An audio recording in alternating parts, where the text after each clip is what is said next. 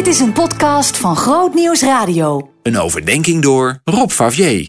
Goedemorgen, we zijn nog steeds bezig met een serie door de Bijbel heen over woorden. Niet zomaar woorden, maar bijzondere, van God en van mensen. En vandaag kijken we even naar Job. Het boek Job is als het ware één grote discussie over de vraag van het lijden en het zoeken naar een verklaring waarom onschuldige mensen zoals Job dat moet overkomen. Er gebeurt van alles aan het begin. He, daar gaat erover dat uh, Job beproefd zal worden of hij nog wel gelooft als alles hem wordt afgenomen, zelfs zijn gezondheid. Maar wat vooral ook heel interessant is, zijn de gesprekken tussen Job en zijn vrienden, die er allemaal wel een mening over hebben. En Job roept naar God met zijn waarom-vraag. Maar als we het einde van het boek naderen, komt er voorzichtig een conclusie. Of eigenlijk, er wordt geconcludeerd dat er geen conclusie mogelijk is.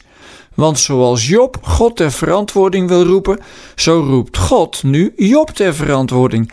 Hij vraagt of Job iets van zijn schepping begrijpt en geeft daarbij een aantal voorbeelden. En dan moet Job uiteindelijk erkennen dat hij er geen touw aan vast kan knopen. En hij zegt in Job 40, vers 4 dat hij onaanzienlijk is en zijn hand op zijn mond legt, want hij begrijpt het niet. Later zegt hij daar nog meer over in Job 42.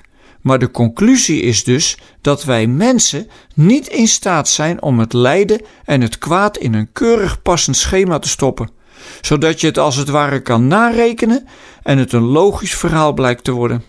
Daar hebben we natuurlijk wel heel erg behoefte aan, maar God maakt Job duidelijk dat hij niet van plan is om hem verantwoording af te leggen. Wij mensen proberen dat wel vaak. Het lijden in een schema passen.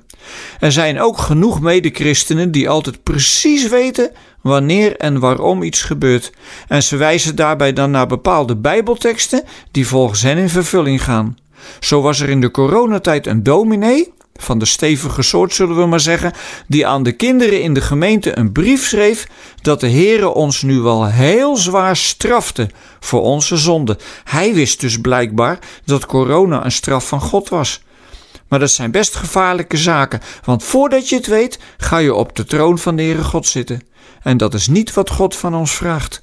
Wat Hij wel vraagt, is dat we midden in de ellende blijven vertrouwen dat Hij erbij is en of mensen zelf datgene wat hen overkomt als een straf of leiding ervaren, daar mag je niet aankomen, want dat zijn geen theologische antwoorden, maar zoektochten om een beetje grip te krijgen op de vraag waarom je dit allemaal overkomt. Geloven is juist dat je midden in de omstandigheden waar je helemaal niets van begrijpt en die je niet kan duiden, mag weten dat God je niet loslaat, dat Hij er altijd bij is.